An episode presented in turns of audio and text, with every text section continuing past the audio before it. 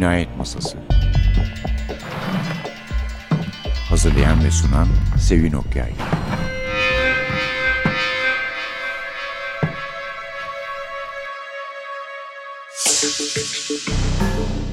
Merhaba, NTV Radyo'nun Cinayet Masası programına hoş geldiniz. Geçen hafta Barbara Nadel'den söz etmiştik. Şimdi önce bir İtalyan yazarları yapayım dedim ben. Gerçi ihmal ettiğim İtalyan yazarlar da var. Çünkü insan her şeyle yetişemiyor. Ayrıca burada Türkçe çevirileri olmadığı zaman çok zorluk çekiyorum. Bazen çok sevdiğim yazarların yeni kitaplarının sözüne etmek istiyorum. Eski bir Türkçe çevirisinden bölüm okuyoruz size. Ama Barbara Nadel'in var beş tane kitabı. O da galiba orada kaldı. Şimdi Oğlak'tan başka bir yere geçmişti sanıyorum. Çok beğendiğimiz yazarlar bunlar. Donna Leon gibi onun da böyle sahipsiz kalması. Dick Francis'in hiç yayınlanmaması. Hakikaten beni çok üzüyor ve şaşırtıyor. Ama Barbara Nadel aslında Donna Leon'a çok benziyor. Hatta onun standart tanıtımlarından bir tanesi İstanbul'un Donna Leon'u şeklindedir. Yani Donna Leon Venedik için neyse Barbara Nadel de İstanbul için o. Aralarındaki fark şu. Donna Leon 30 yıla yakın bir süredir Venedik'te yaşıyor. Orada oturuyor.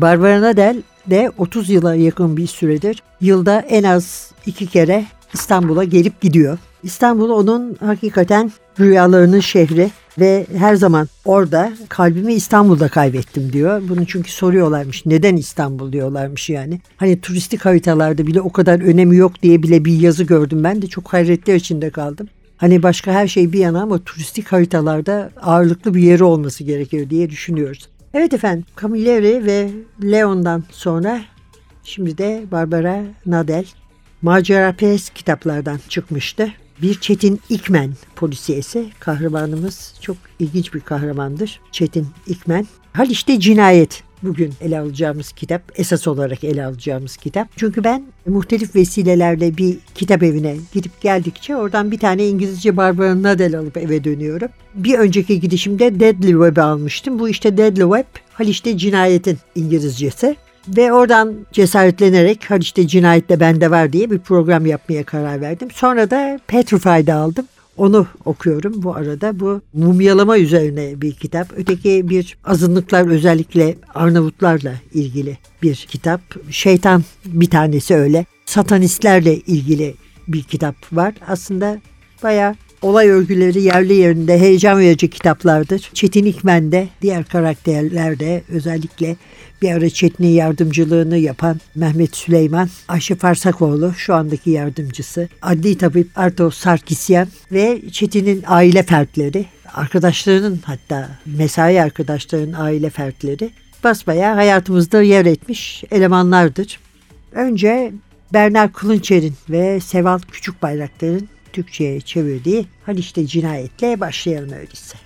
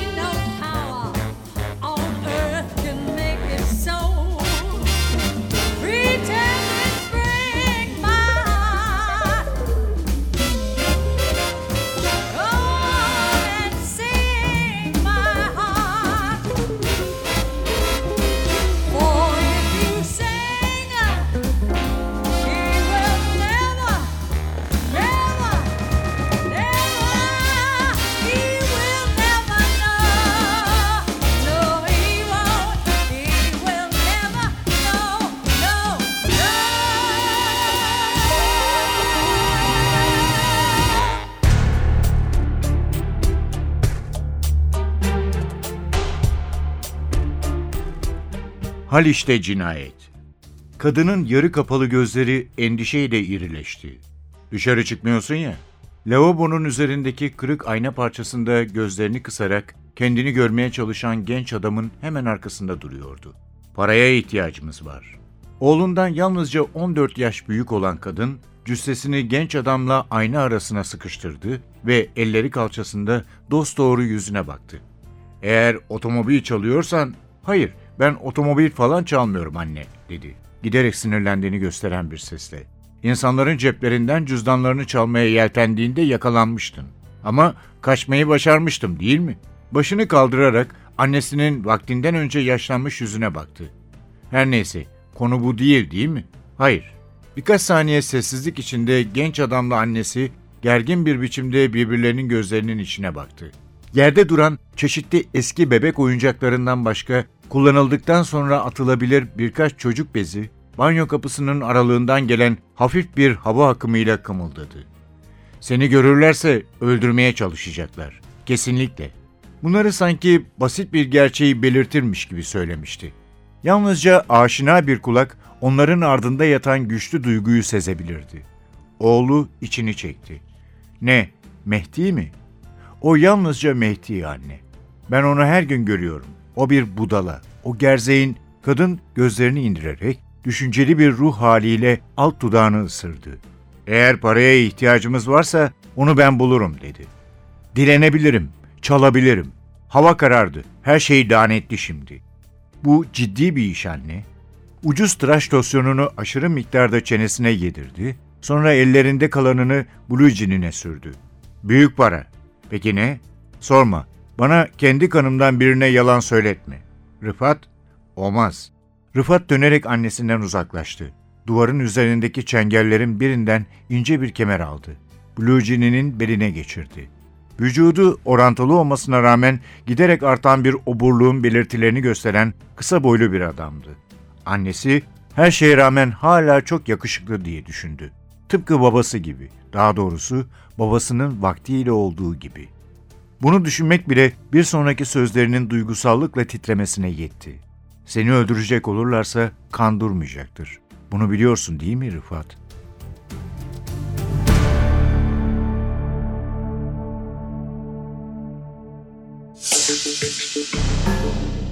Çetin İkmen çok ilginç bir polisiye karakterdir. Böyle kime benzediğimi bilmiyorum. Benzediği biri de aklıma gelmiyor. Böyle Koramon'un pardösü gibi buruşuk bir pardösü giyen, ufak tefek, zincirleme sigara içen. Yalnız en son kitapta Ayşe Farsakoğlu ile ikisi yasanın kabulünden bir gün önceydi. Dışarı çıktılar, içtiler biliyorsun değil mi? Yarın içemeyeceğiz dedi. Orada bıraktım. Yasaktan sonraki durumunu bilemiyoruz. Ne şekilde tecelli etti? Çünkü hakikaten zincirleme içiyordu yani. Dokuz tane çocuğu var. İlk başlarda, ilk kitaplarda bu dokuz çocuğun dokuzu da evdeydi. Evde Sultanahmet'te. Yani Çetin'in dinle sorunları var. Hatta böyle ateizme de yakın gibi. Sanki buna karşılık karısı Fatma fevkalade mütedeyyin bir hanımdır. Boşu örtülüdür. Ufak tefek anlaşmazlıkları olabiliyor. Mehmet Süleyman Osmanlı bir ailenin sarayın içinden birinin oğludur ve babası hala eski günlerini yaşamaya çalışıyor sultana hizmet mi ettiniz diye sorduğu zaman bir yabancı çok kibar bir şekilde çok kibardır zaten bir Osmanlı olarak biz hizmet edilenlerdendik diye cevap verir. Dolayısıyla o ahbaptan olduğunu düşünürüz. Hadi işte Cinayet 7. kitabı bu serinin.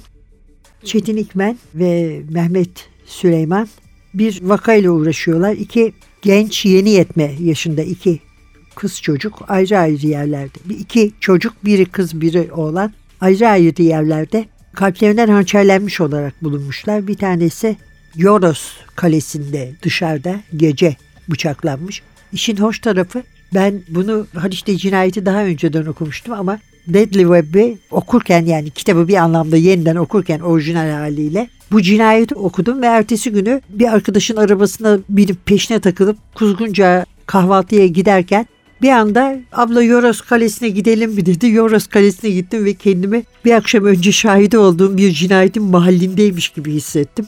Yani aslında fena olmuyormuş bu kitaplardaki mekanlara mümkünse ertesi günü gidebilmek onu söyleyeyim. Önce orada bir tane bulunur sonra bir odada öldürmüş olarak e, Eyüp'te yaşayan çok dindar bir ailenin kızı bulunur. Üçüncü olarak öldürülmüş. İlk ölen bir erkek çocuk Cem fakat onun cinayet şüphesi yok. Onun kendini öldürdüğüne inanıyor polis. Öbür ikisinin cinayetle bir cinayet olayı olabileceğinden şüpheleniyorlar.